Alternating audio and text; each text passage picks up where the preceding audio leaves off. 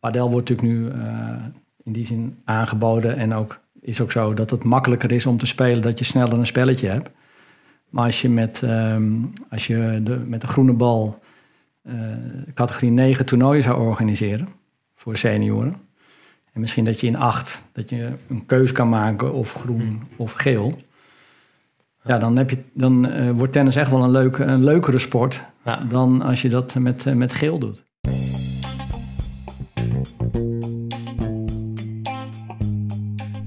Welkom bij de Tennis the World podcast. Als jij een fanatieke tennisser bent en graag beter wil worden, dan is dit de podcast voor jou. Samen met inspirerende gasten gaan we mooie gesprekken hebben, inspirerende verhalen horen en informatie geven, waardoor jij meer progressie kan boeken. Welkom bij weer een nieuwe aflevering van de Tennis World podcast. En uh, Jeroen en ik die zijn, uh, nou, best wel een lange tijd geleden eigenlijk, dat we uh, samen op de baan hebben gestaan. Denk ik. Hoe lang is het zijn geweest eigenlijk? ja, dat is echt heel lang geleden. Ja, misschien echt wel eh, bijna een jaar, joh. Ja. Is het niet? Met Stan toen? Met Stan bij Soesdijk, denk ik. Ja. ja. Ik ben nog een keer naar Meidrecht gereden. Ja, dat is langer geleden. Dat is langer geleden. Dus die keer met, uh, met Stan. Stan zie je ook wel vaak op de video's. Dat is misschien wel gelijk een leuk om in te duiken. Dat uh, vertelde ik je net ook al een beetje. Maar dat dus die keer met Stan, wij met hem ontdekten van... hé, hey, hij kan heel veel fysiek. Hij gaat eigenlijk dus altijd voor de moeilijke, moeilijke optie ook qua zijn tactisch spel. En dat jij toen ook zei van joh, je moet daar wat meer gaan doseren en kijken welke bal je wanneer moet spelen. En dat ik voorheen altijd alles won van hem. En gisteren, nee, wat was het? Eergisteren gewoon weer na al vier, vijf sets van hem verloren te hebben. Die eerste set dacht ik ga hem nu pakken, verloor ik 6-0. Dus dat heeft geholpen. Ja, ja, dat was heel grappig. Terwijl het ging toen uh, met, met, name om jou en je speltype. Ja. En uh, dus, toen zag ik hem voor het eerst spelen. Ja. En uh, ja, tactisch was het heel onbewust. Ja. Dus toen hebben we het gehad over de bedoelingen. En ook volgens mij heel simpel, aanvallen als het kan, maar verdedigen als het moet. Mm -hmm. Want hij had eigenlijk toen geen idee. Hij sloeg elke bal eigenlijk hetzelfde geen onderscheid in hoogte, in vaart, rotatie, cross, rechtdoor. Nee, en ik stond er ook in, in het spel zo in toen nog van... Uh, ik speel gewoon de bal terug. En af en toe maak ik het moeilijk als ik moet. Maar in principe, als ik gewoon vier keer goed heen en weer speel... dan win ik het punt wel. Ja, hij verloor echt van zichzelf. Ja, ja. Dus dat, is wel, dus dat was wel even een leuke... dat dat de vorige keer was dat we op de baan stonden. En net hebben we dus ehm, nou ja, weer een beetje verder gewerkt aan de tennis journey. Ja. Dus dat was wel leuk. En uh, helaas inderdaad wat regen. Maar ja, wel mooi. Ik, ik heb gewoon uh, nou, voor de luisteraar eh, deze week ook weer een toernooi. Ik ben wat minder aan het vastleggen met beeld wel, wat betreft de journey. Komt ook wel gewoon door... ja, gewoon, het kost heel veel tijd. Gewoon om alles vast te leggen. En alles wat ik nu doe... Ja, ik moet ook een beetje kiezen wat je doet. Maar via deze weg is natuurlijk ook de journey die door blijft gaan dat ik een toernooi heb. Maar inderdaad merkte dat ik mijn veelzijdigheid een beetje kwijtraakte. Veel vanaf achter speelde, een beetje of afhankelijk van het spel, afwachtend of dwingende baselijnen kon zijn. Maar ja, dat, eigenlijk, dat, dat afwisselende dus wel lekker. Ik was eigenlijk wel benieuwd nu we net hebben gespeeld, wat, wat jij dan ook zag aan het spel. Ja, natuurlijk relatief of wat er misschien veranderd is. We hebben kort, kort gespeeld. Ja.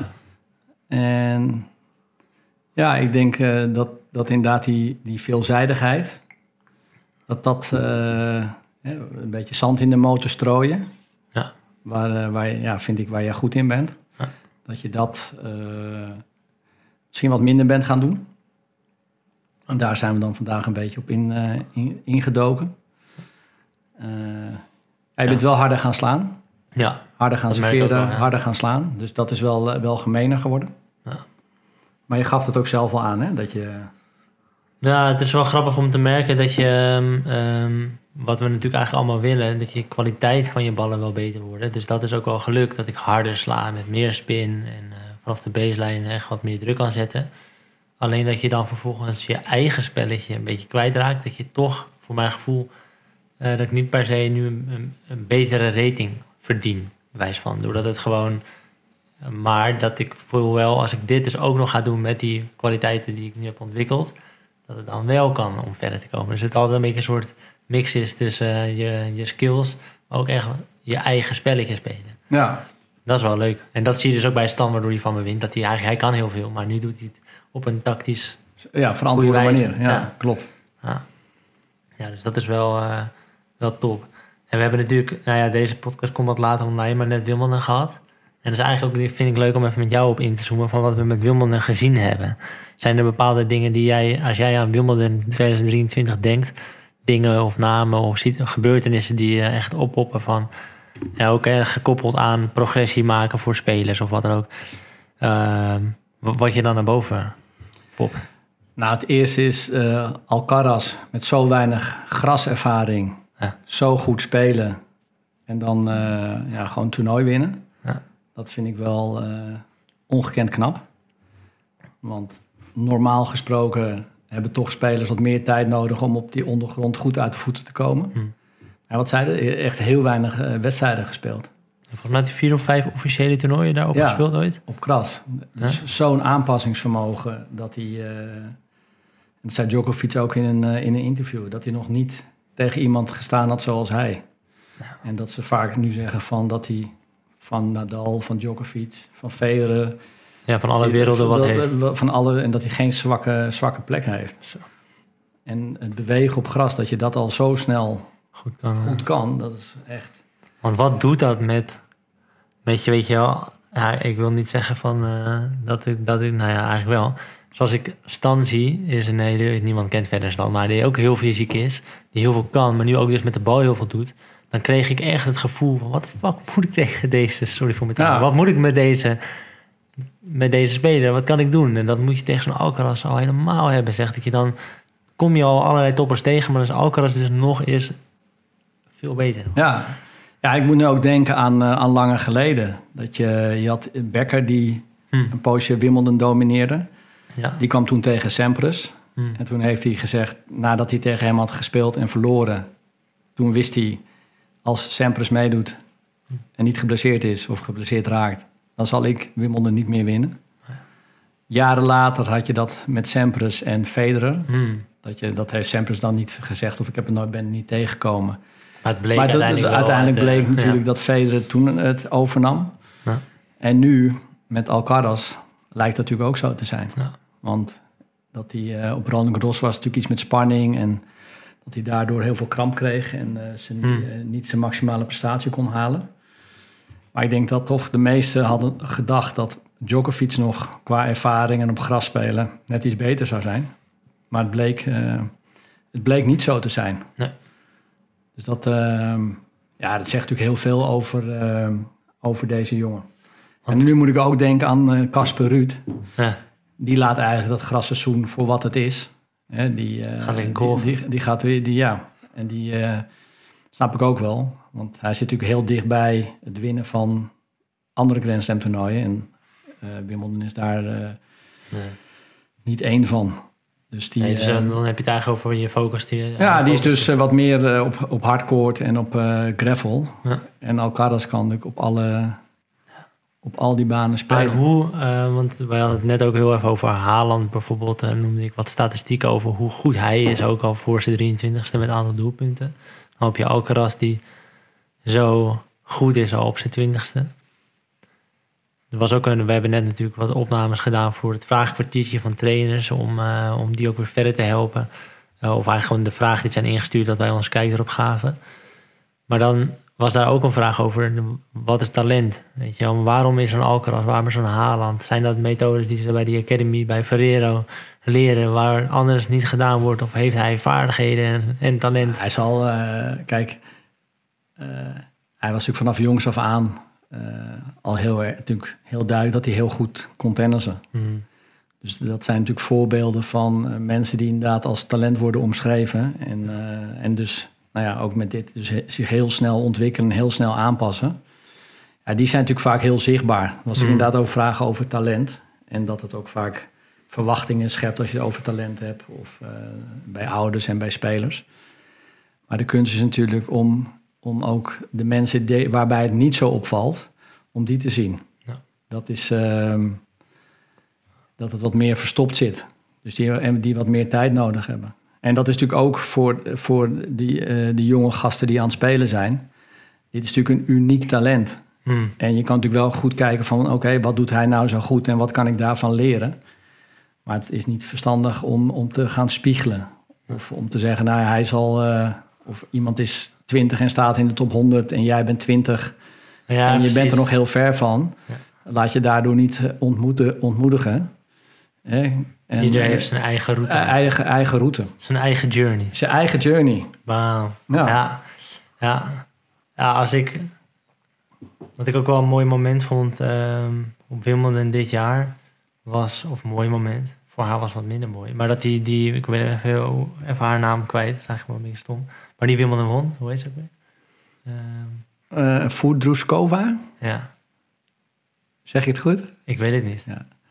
Maar dat uh, Jabeur in ieder geval zo veel kansen had eigenlijk dit jaar, na vorig jaar natuurlijk verloren te hebben in de finale, dat zij er eigenlijk juist niet sterk stond. Dus je had zeg maar Alcaraz die een ervaring had gehad tegen Djokovic. En dat je denkt van ja, hoe gaat hij dat dan nu doen? Je zou eigenlijk ook kunnen zeggen, ja, hij heeft nu dus ervaring. Geleden tegen Djoko, nou ja, kans opnieuw. Maar bij haar krijg ik een beetje hetzelfde verwacht. Want oké, je hebt daar al gestaan vorig jaar. Nu zal je door de ervaring er misschien makkelijker doorheen fietsen. Maar alles leek anders te zijn eigenlijk. Nee, zij leek te bezwijken onder de druk. En dat zag je aan het begin van de wedstrijd. Dat ze vrij veel kansen kreeg. En die niet uh, benutte. En ik denk dat ze ja, heel uh, zenuwachtig, in paniek is, uh, is geraakt. En daardoor echt helemaal de niveau niet heeft gehaald. En dat zag je ook aan het eind. Het is natuurlijk enorm teleurgesteld dat, dat ze niet bij machten was om die finale heel goed te spelen. Mm -hmm. Dat is natuurlijk wel heel zuur. Klopt. Als je... En in de aanloop ernaartoe had je natuurlijk wel veel teksten daarover... van uh, hoe het belangrijk was voor de Tunesië... en voor, Mm. het, voor het Afrikaanse tennis en voor het vrouwentennis. Dus ja. Ja. Maar je, je zit natuurlijk altijd vanaf een buitenkantje... kijk je er naartoe. Maar daar leek het wel op. En in de verslaggeving daarna ook. Mm. En wat ik ook een interessant moment vond... was van die Swiatek. Ja.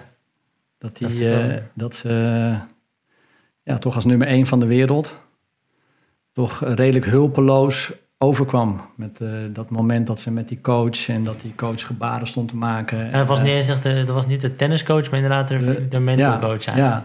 ja, de psycholoog. Ja, precies. Dus, uh, want, wat gebeurt, want ik heb dat zelf wel even heel kort gezien, maar toen swipte ik gewoon door en niet echt verder naar gekeken. Maar wat, wat was er eigenlijk aan de hand? Ja, ik denk of volgens dat ze, haar. Dat ze, dat ze, ja, ik denk dat ze. Je kreeg het niet mee qua geluid. Maar uh, ze deed zo van uh, misschien uh, aan je plan houden. Ze heeft ook altijd een schriftje bij haar. En dat, daar kijkt ze dan ook in. Ja. Dus um, ja, ik denk dat in, die, in dat gebied zat en dat zij zich helemaal niet oké okay voelde op die baan. Nee. Alleen oh. de situatie ook als nummer één van de wereld en je staat daar ja. om hulp te vragen. Ja. Dat, um... ja, dat, dat, wat je zei, dat, um, ik weet ook niet wat dus inderdaad haar verhaal is daarin of wat er bij haar speelde, maar dat je dus, uh, wat ik zo mooi vind bij, een, uh, nou ja, bij die top drie, bij die mannen, dat je gewoon het gevoel hebt dat ze zichzelf ook coachen. Ja. En dat mist hij bij haar een beetje, van ja, nu gaat het niet. hey, ja, ze mij. leek, je kan, ja, iets te afhankelijk. Ja. ja. En uh, om, om een soort hulp te vragen. Ja, klopt. Ja, maar het is ook dat tennis 90% mentaal is. Hè? Uh, nee. nee. Daar was al laatst. Uh, nee. Het zijn natuurlijk alle vierde aspecten. Ja. En het was natuurlijk een mooi voorbeeld wat die golfer gaf. Ja. Ja, als je allebei uh, even goed bent en, de, dat het, en dat het dan uiteindelijk op mentaal aankomt. Maar hij gaf een mooi voorbeeld. Ik weet niet hoe jij golft. Ja. Maar als wij een potje gaan golfen, ja, dan, ik van je. Ja, en misschien ben ik mentaal wel heel zwak. Ja. Maar ik kan zoveel beter golven dan jij. Ja. Dat, uh, nee, het was een mooie. Nee, het, is altijd, het is natuurlijk het geheel. Ja. Het is het geheel. En als jij uh, een hiaat hebt in je techniek... dan zal dat natuurlijk onder druk uh, ook als eerste bezwijken. Ja. En dan kan je natuurlijk zeggen van ja, is dat, dat is mentaal. Maar het kan ook gewoon technisch zijn. Ja, klopt. Dat is, um, denk ik, waarom um, Maar als we dan hebben, hè, voor naar de, naar de, naar naar, eigenlijk naar de luisteraar ook. Van oké, je hebt bepaalde dingen in je spel. Iedereen heeft weer andere dingen waar hij aan moet werken. Of focuspunten of een speltype. Zoals ik zou anders moeten trainen dan eh, hoe jij uh, trainde toen je mijn leeftijd had. Om, om te presteren op de toernooien. Dus dat iedereen iets anders heeft. Alleen wat wij, ehm, wat ik gewoon mooi vind om net te zien dat we bij EMS hier aan het tennis waren. Dat dus nou ja, jouw dochter met twee vrienden dan de baan op gingen om te gaan vrijspelen bijvoorbeeld. Ja. Dus soms denk ik van ja, er uh, zijn bepaalde dingen dat, je dat mensen zeggen... oh ja, maar tennis is zoveel mentaal. Of nee, je moet ervoor op die manier slaan. Terwijl ik eigenlijk gewoon denk... we moeten gewoon verdomme meer gaan vrijspelen. Ja. gewoon meer gaan tennissen en dan maar hebben dat je, ja, dat je na honderd sessies op de baan te hebben gestaan... erachter komt van hé, hey, maar eigenlijk is die backhand toch best wel wat zwakker. Dan dat je zegt, oh, ik heb één keer een training gehad bij een trainer... En mijn backhand liep niet. En dus ik kan geen backhand. Of zo. Ja, gewoon, er moet meer daarin getennist worden ook. En dat je ook wat minder uh, afhankelijk uh, opstelt. Ja. En niet alleen afhankelijk bent van, uh, van je training of van Precies. je trainer. Nee, dat is een beetje uit tennis verdwenen. Dat is zo ik denk zonde, als ik naar mensen kijk uit mijn generatie. En dat hoeft ook niet helemaal dat we heel bijzonder getennist hebben. Maar wel heel veel vrijgespeeld. Ja. Als ik kijk naar het aantal uren wat er vrijgespeeld is en getraind. Ik denk heel veel jongens en meiden die eh, heel veel vrij hebben gespeeld. Ja. En ook nog eh, bij mij op de club. Degene die een paar jaar geleden nog in het eerste team zaten. Hmm. Dat, eh, dat zijn ook die tot nu toe, die nog steeds zie je ze vrij spelen. Ja, En nog steeds eh, spelen ze competitie. En die zijn al behoorlijk eh, in de 30. Want ehm, ik weet ook zeker dat ik meer uren ehm, heb vrijgespeeld dan dat ik training heb gehad. Ja, 100% zeker. Ik denk dat het bij mij, als ik een soort van vrij spelen ook als training moet indelen, en heb over zelf trainen, verdeling en met begeleiding trainen, dan is het bij mij denk ik echt nog steeds 80-20.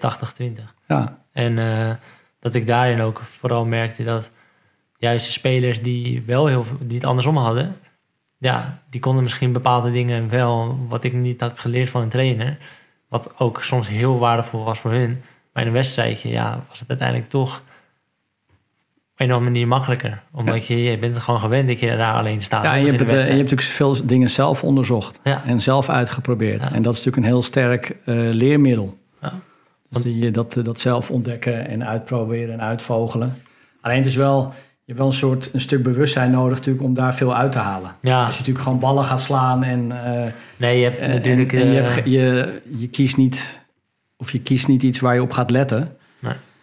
Maar als jij, eh, dus, eh, dus die combinatie zou natuurlijk mooi zijn dat je en traint en ook dat er genoeg ruimte is om, om vrij te spelen. Ja.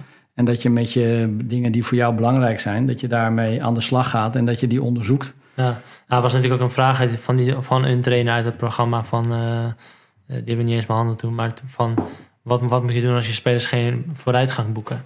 Nou ja, en waarschijnlijk ook kijken naar wat doe jij zelf binnen het uurtje dat je je leerlingen hebt. Maar ik heb af en toe ook gehad dat ik dan groepen had en dan, ja, komen ze volgende week weer, hebben ze daartussen helemaal niet getennist. En denk ik, ja, nu beginnen we eigenlijk weer op nul. En dus dat eigenlijk dat hele doelgericht vrij spelen natuurlijk zeggen, dat het gewoon zo belangrijk is. Ja. Nee, dan anders beklijft En- het, en de anders beklijft sport- het niet. En de sport past daar gewoon helemaal in. Ja. Nee, dat was natuurlijk lang geleden de kracht. Je betaalde je lidmaatschap en eh, je had eh, twee keer in de week training. Ja. En de rest eh, kon je natuurlijk helemaal blauw tennissen. Waarom, waarom wordt het minder gedaan, denk je? Ja, ik denk de, de, het is helemaal veranderd in de, dat tennisklimaat. En, Maar waar- eh, hoe- waarom eigenlijk? Ja, dat is een goeie. Ehm, de jeugd ik- is eh, door de digitale wereld is natuurlijk een hoop veranderd. Ja. Is veel afleiding met, eh, in, in, in dat stukje. Ja. Wij hebben bij Soesdijk nog geprobeerd om op maandag en vrijdag hadden we banen afgehangen. Dus de spelers die getraind hadden of als ze naar de club kwamen onder de 12, konden gewoon de baan op zonder moeite te doen. Hmm. Dus dat maakt het iets toegankelijker. Eh, na de training kan je nog een half uurtje spelen. Je kan, nou, een enkeling die daar gebruik van maakt. En wat ik dan merk is dat ja, of na de tennistraining moeten ze door naar voetbal. Of eh, ze hebben huiswerk. Of ehm, Ja, ja. dat is... eh, en Ik denk ook een... ehm, dat is natuurlijk in heel Nederland zo. ja, Ja, natuurlijk waar we vandaag... En mee- misschien te veel gefaciliteerd, hè? Dat, eh, Ja, dat is ook zo. Alles is geregeld eigenlijk. Alles is geregeld. Ja. Maar toch, ik bedoel, ehm, ik ben eh, ja, eigenlijk ook geen kijker hoe die dat heb jij natuurlijk wel dat je eh, kijk je hebt een dochter van denk ik 15. 15 en 13 of zo. Ja. ja? Nou, dus dan heb je dat, zie je dat wat meer wat bij de jeugd ook eh, precies gebeurt in weken. Maar in principe. Nou, zij zijn de uitzondering. ja, nou ja, ze waren er, ze waren er nu, maar dat is, dat is ook niet toevallig. Nee, nee, precies. Zij gaan, eh, dat, dat Nee, dus meidenteam, het kan ook gewoon. het kan ook gewoon. Het kan ook gewoon. En dat, maar ze dat- zitten hier, ze zitten op de clubje hier, Ja. op het fietsje naartoe. Eh, ze appen met elkaar en spreken af. Ja. Dat, dat doen ze eigenlijk het hele jaar door. ja. Die hebben elkaar echt gevonden. Ja, want dat is een beetje waar we natuurlijk ook moesten lachen vandaag een beetje over. Om die eh Joel Beukers. Met zijn eh, dingen wat hij roept. Met eh, dat we voor goud moeten gaan en dat soort dingen. Maar dat hij eigenlijk ook die, zijn doelgroep, zei hij van, is eigenlijk 10 tot 15 jaar jonger dan in zichzelf. En dat die gasten, hij spreekt vooral jongens aan, gewoon niet alleen maar op de bank moeten liggen en vlogs moeten kijken van hem of anderen. Maar gewoon aan zichzelf moeten werken en vooral naar buiten moeten gaan. Gewoon Ja. spelen, gaan gewoon wat dingen doen. En dat is ook wat ik bij mezelf af en toe ook wel eens merk. Misschien heb jij dat ook wel eens, maar je bent natuurlijk ook heel actief met, met lesgeven, waardoor je veel buiten bent. Maar dan denk ik, ja, ik heb net een video geëdit. Dan zie ik een grappige video op Instagram. Zit ik een beetje, eh, zit, zit ik een beetje zo te scrollen. En denk ik En van, voor je het weet ben je een half uur verder. shit, een half uur verder. Wat had ik kunnen doen? En één video die het bij mij op Instagram wel goed deed, was zo'n zo'n tekstje die ik schreef was, die dan naar voren kwam van, als je nou beter wilt tennissen, kijk dan niet wat je allemaal nog meer moet doen, maar ga ook kijken wat je minder kan doen. Waarschijnlijk kan jij twee uur in de week eh, meer gaan tennissen als je per dag een 10% van je schermtijd afhaalt. Ja, Gewoon, mensen hebben echt statistieken van zes uur per dag ja op maar dat, dat, dat is, eh, als je, daar is natuurlijk een heleboel in veranderd. Ja. Door, die, eh, door die digitale wereld. En dan kan je ook een heleboel over, over vinden. Over allerlei onderzoeken. Wat het met, eh, met de jeugd en, eh, gedaan heeft. Ik weet dat er een onderzoek is geweest in 1986. Mhm. Van kinderen toen geboren in 1974. Die waren toen 12. En exact diezelfde test hebben ze in 2006 herhaald. Ook voor kinderen van 12. En ze kunnen natuurlijk nu beter testen. Alleen ze dachten, we hebben die test gedaan en dan hebben we exacte gegevens.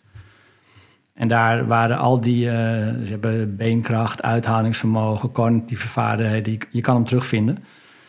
Maar dat was, die hele parabool die was naar links verschoven. Hm. Dus de zwakkeren waren nog zwakker geworden. Het gemiddelde was ook naar beneden. En de betere, dat was ook minder geworden. Hm, ja. En ja, ik zeg het nu uit mijn hoofd, maar beenkracht en uithoudingsvermogen in dat gebied, dat was echt schrikbarend naar beneden. Ik geloof voor meer dan 50% dat dat eh, terug was gelopen.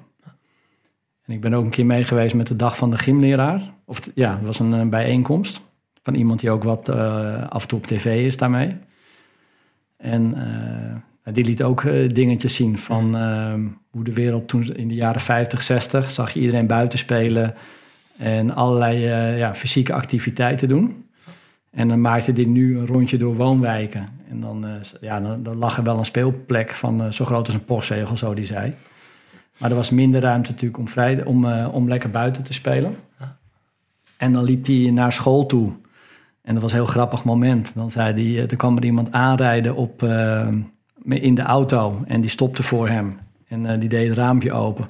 En dan vroeg hij van, breng je je dochter altijd met de auto? Toen zei ze, nee, nee, nee, normaal met de brommer. Ja, ja, ja, ja. Dus ja, en dan heb je nu eh, de elektrische fiets. Ja, of die Wat, wat, wat natuurlijk heel goed is als je in plaats van de auto de fiets zou pakken. Ja. Maar je ziet nu ook heel veel kinderen die normaal op een normale fiets naar school zouden fietsen, 20, 25 minuutjes.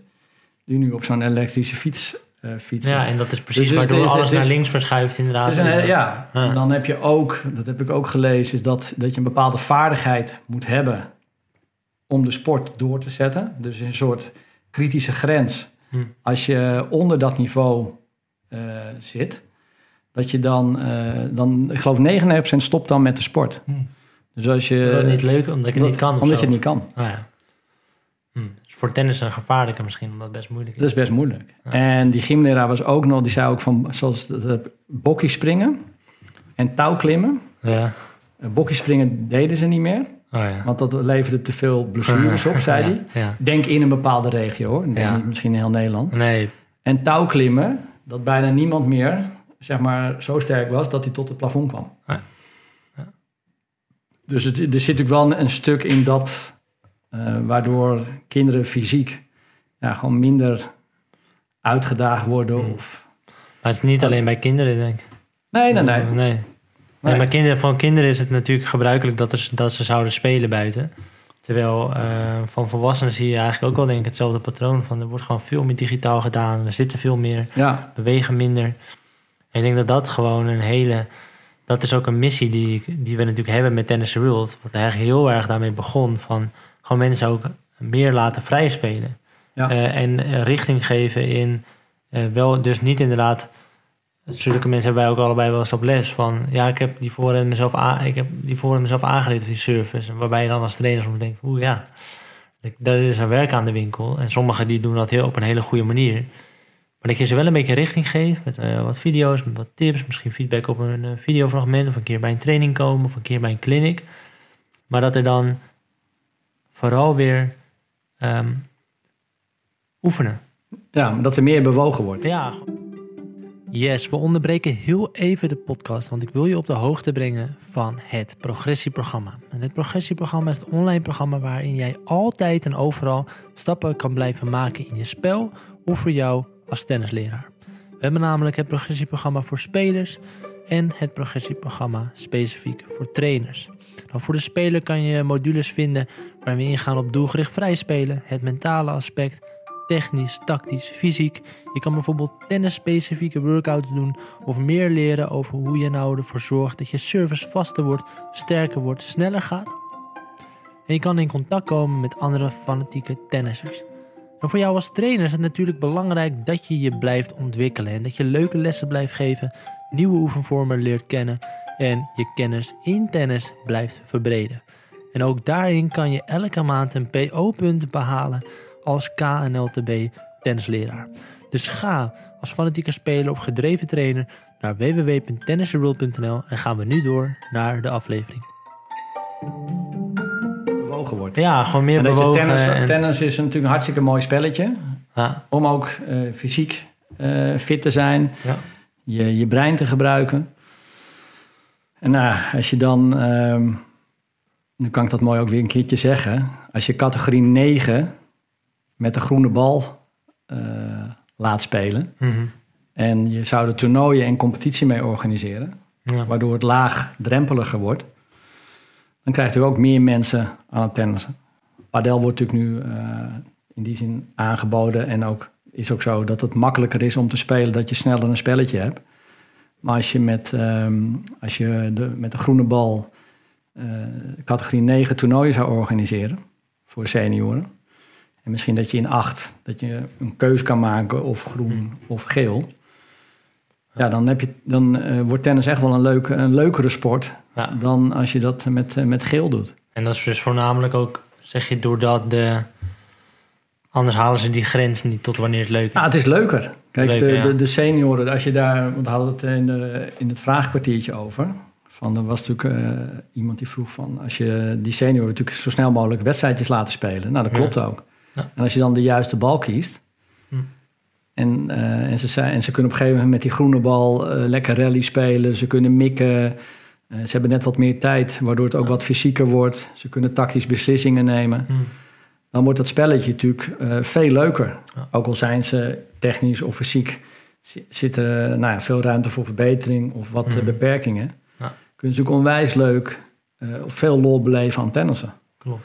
En het zou echt mooi zijn als dat, als dat ook een insteek zou zijn om, om mensen enthousiast te maken voor tennis. Ja. En niet alleen padel, maar ook, Ja, ook gewoon tennis. ook voor tennis. Dat Klopt. is, Klopt. en ik denk als je dat met elkaar afspreekt, dat je zegt: oké, we gaan dat gewoon doen.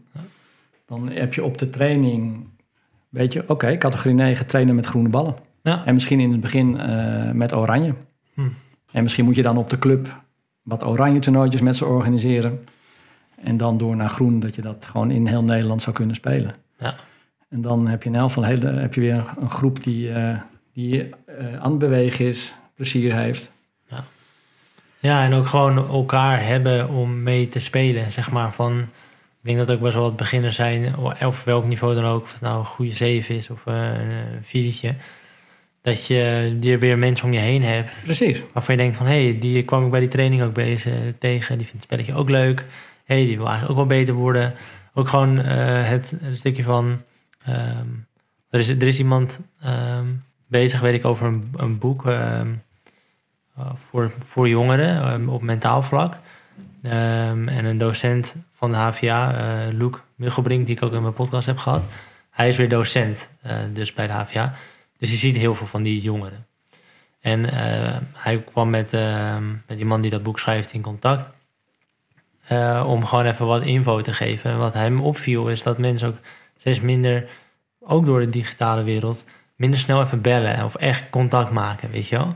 Oh, liever maar even een, um, een podcast luisteren naar Jeroen, uh, van Jeroen, uh, dan dat ik hem bel en vraag of hij misschien mij wil helpen. Weet je wel, terwijl Waarom zou je er bang voor zijn? Waarschijnlijk uh, zijn dat leuke dingen. Nee, je maakt een, een, een appje sturen is, en die is natuurlijk makkelijker ja. dan een, een gesprek. Of als je, je... Maar dus ook, ook gewoon het... Ik, ik weet dat nog heel goed van mij van vroeger. Dat ik... Um, dat dus dat moment van 15 jaar geleden... Federer in de Dal, Wimbledon gezien. Ik gelijk mijn vader bij zijn nek gepakt. Zeg maar, we gaan tennissen. Maar dat had ik wel. Dat ik dacht...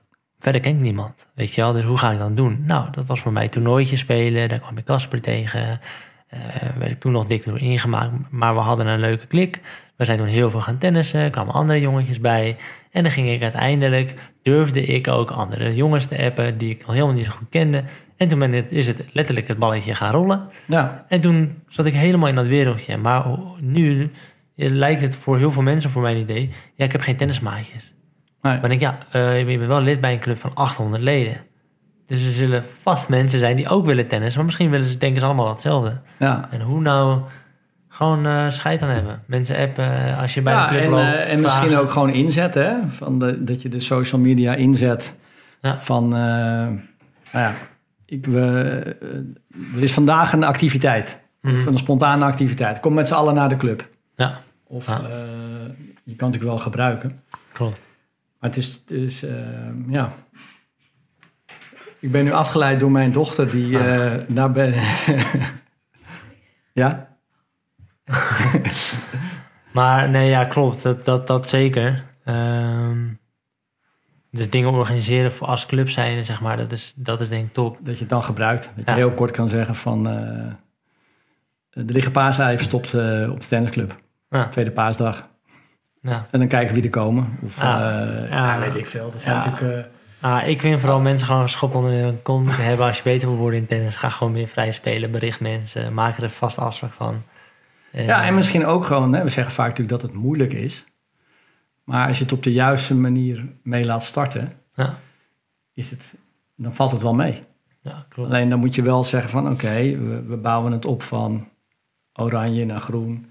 En je kan vanaf het begin af aan, kan je gewoon lekker met en tegen elkaar spelen. Want als een, als een uh, dus als jij ze- zegt, hè, als we voor die niveaus langs gaan, een echt een beginner, negen niveau speler, eh, die dus nog geen competitie speelt. Dus je hebt ook negen natuurlijk die wel veel spelen en fanatiek zijn.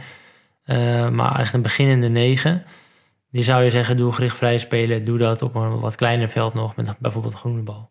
Ja, En ga lekker met elkaar eh, Ja. wat, wat simpelere oefeningen doen. ja. Hoe, hoe zou een ehm, bijvoorbeeld competitiespeler 7, 8 niveau, eh, hoe zou die met een plannetje al met zijn maatje gewoon doelgerichter kunnen vrijspelen? Ik denk dat die bal, als je daarmee start, je gaat daarmee mee trainen, dat je dan ook mensen beter leert tennissen. Hm. Want eh, als je nu met geel begint, dan hebben ze nauwelijks rallies. Hm. Eh, zijn heel afhankelijk van de trainer. Of die, eh, dat die bal aanspeelt of rallies met ze speelt, afhankelijk hoe hij dat invult. Maar als ze dan met elkaar spelen, dan gaat die bal eh, bijna niet heen en weer. Mhm. Dus je prikkelt heel weinig systemen. Ja. En op het moment dat je, dat je zegt, oké, we zijn net begonnen, oranje bal, we passen het veld een beetje aan. En eh, ga dan, eh, sla vier keer over en speel dan het punt uit. Ja. Of serveer, retourneer, sla, sla vier ballen goed en speel punt uit. Of speel gewoon lekker een wedstrijdje. Maar dan gaan die ballen echt heel vaak heen en weer. Ja, daar gaat En, da- en dan eh, de beslissingjes groeien dan mee, je, je technische vaardigheden groeien mee. Ja. En op het moment dat je natuurlijk met die, met die gele ballen dat doet, dan, Ja, ja, dan, kan alles overal heen. nee, en dan ben je alleen afhankelijk van dat uurtje van je, van je trainer. Ja. Dus ik denk dat dat echt enorm kan helpen. Ja. En zeker als je dat natuurlijk in die zin, als, dat ook je, je visie is, dat je dat met elkaar afspreekt. Dus je zegt, oké, eh, in Nederland gaan we dat gewoon zo doen. Mhm. Eh, categorie 9 gaan we toernooien organiseren Ja. in groen. Ja. Omdat wij eh, denken dat dat het beste is, of vinden dat dat het beste is. Mhm. Want nu heb je natuurlijk af en toe dat, eh, dan, dan trainen, train je met groen. Dat doen we dan op de club, maar dan spelen ze wel vrijdag competitie. Met geel. Ja. Ja. Dus dan, moet je dan, eh, dan, dan krijg je dat. We hebben het wel op de club gedaan hoor. Dat we de clubkampioenschappen, die kan je natuurlijk zelf organiseren. Hadden we een hele grote groep beginners die echt net waren be- begonnen met tennis. Mhm. Gewoon een pool gemaakt en dan met de groene bal laten dubbelen. Ja, precies. Ja, ik denk dat dat sowieso sterk is voor tennis. Om het gewoon allemaal weer wat meer overdag, ook, ook in het weekend, eh, wanneer dan ook, lekker leven in de club te hebben.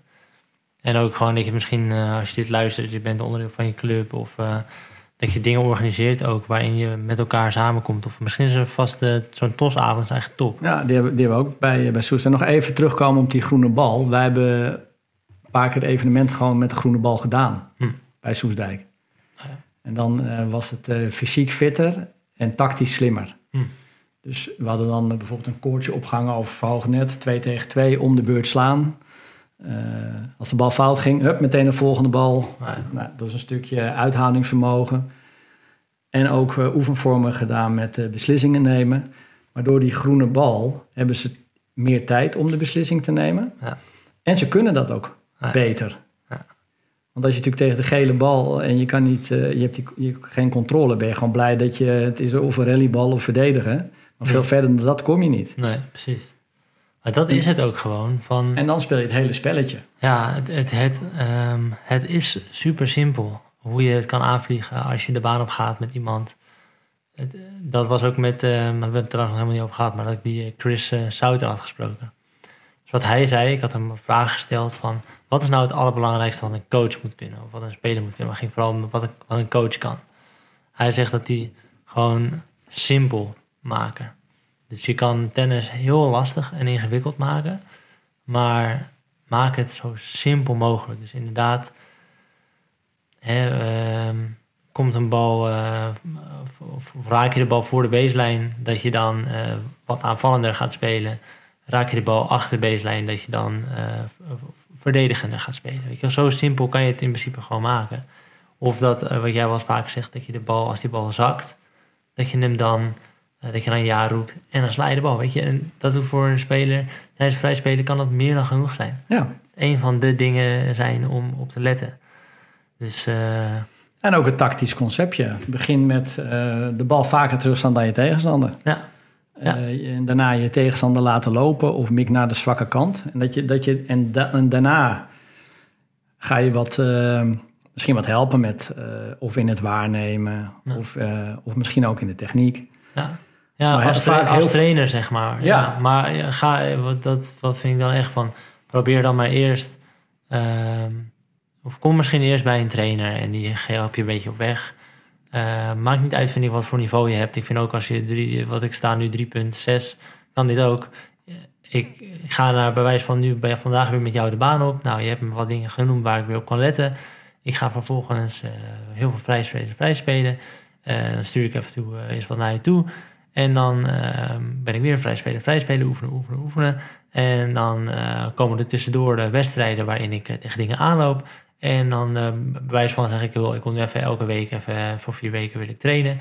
Dat zou al heel goed zijn om heel veel vooruit te gaan. Ja, Dus hoeft, eh, naar mijn idee willen mensen, dat zeggen ze natuurlijk ook in, in de game of tennis, van, ehm, hoe noemen ze dat ook alweer, dat je het, soms verwachten mensen dat een trainer je helemaal overlaat met allemaal tips en, en oefeningen en, eh, en aanwijzingen. En dan ben ik heel blij jou wijs van eh 70, 80 euro te geven voor dat privélesje.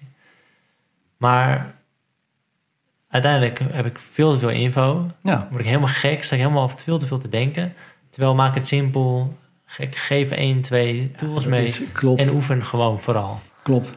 Wat Jesper ook zegt in die eh, laatste van, ja, wat moet doen? Ja, hard werken.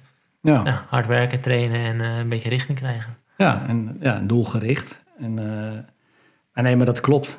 Moet nu denken aan, eh, aan een- als je je eerste autorijles krijgt. Mhm. Ja. Dat, dat eh, ja, nu gaat het natuurlijk vanzelf. Maar dat je dan moet schakelen, het verkeer Ja. dat, eh, En eh, je, je rijinstructeur praat nog tegen je. Ja, precies. Dat is natuurlijk ook met tennistraining. Er komt, er komt die bal op je af. En als je Ja. heel veel dingen te horen hebt gekregen waar je op moet letten. Ja, terwijl als je dat heel simpel houdt van je slaat de bal met een boogje terug. Ja. Dan, eh, dan is dat in elk geval duidelijk wat je plannetje is. Ja. En dan ga je een beetje, een beetje helpen. Maar, ehm, Dat is eigenlijk, hè, ehm, mensen die willen eigenlijk, willen eigenlijk, je wil eigenlijk als tennisser dat je ehm, zelfstandig kan zijn op de baan. Als je ook een wedstrijd hebt, dat je niet zoals Swiatek het gevoel hebt van, oh, wie gaat mij nu helpen? Dat je eigenlijk wat meer zelfstandigheid hebt. Of onafhankelijk bent. Dat je veel gaat vrij spelen. Hard gaat trainen. En gewoon mensen gaat bellen ja, of appen. Of, of op de club aanspreekt. hey, dit staat leuk te spelen, kan je morgen? Dat je in de club zorgt dat er wat meer groene activiteiten of groene balactiviteiten komen voor beginnende spelers. Ja. En eh wat was het laatst nou over? Nou, simpel houden. ja. Ja. Nou, dit lijkt me een hele mooie afsluiting. Ja, toch? Ja, Nou, mooie samenvatting. Mooi. Nou, dan ehm, wil ik een bedankje doen. Ja, ik jou ook. Was En, weer leuk. eh, jullie ook. En tot de volgende.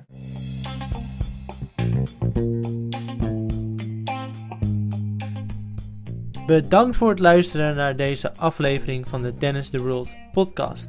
Heeft deze podcast jou geholpen, dan hoop ik dat jij ons ook kan helpen naar meer luisteraars. Deel deze podcast in jouw Instagram.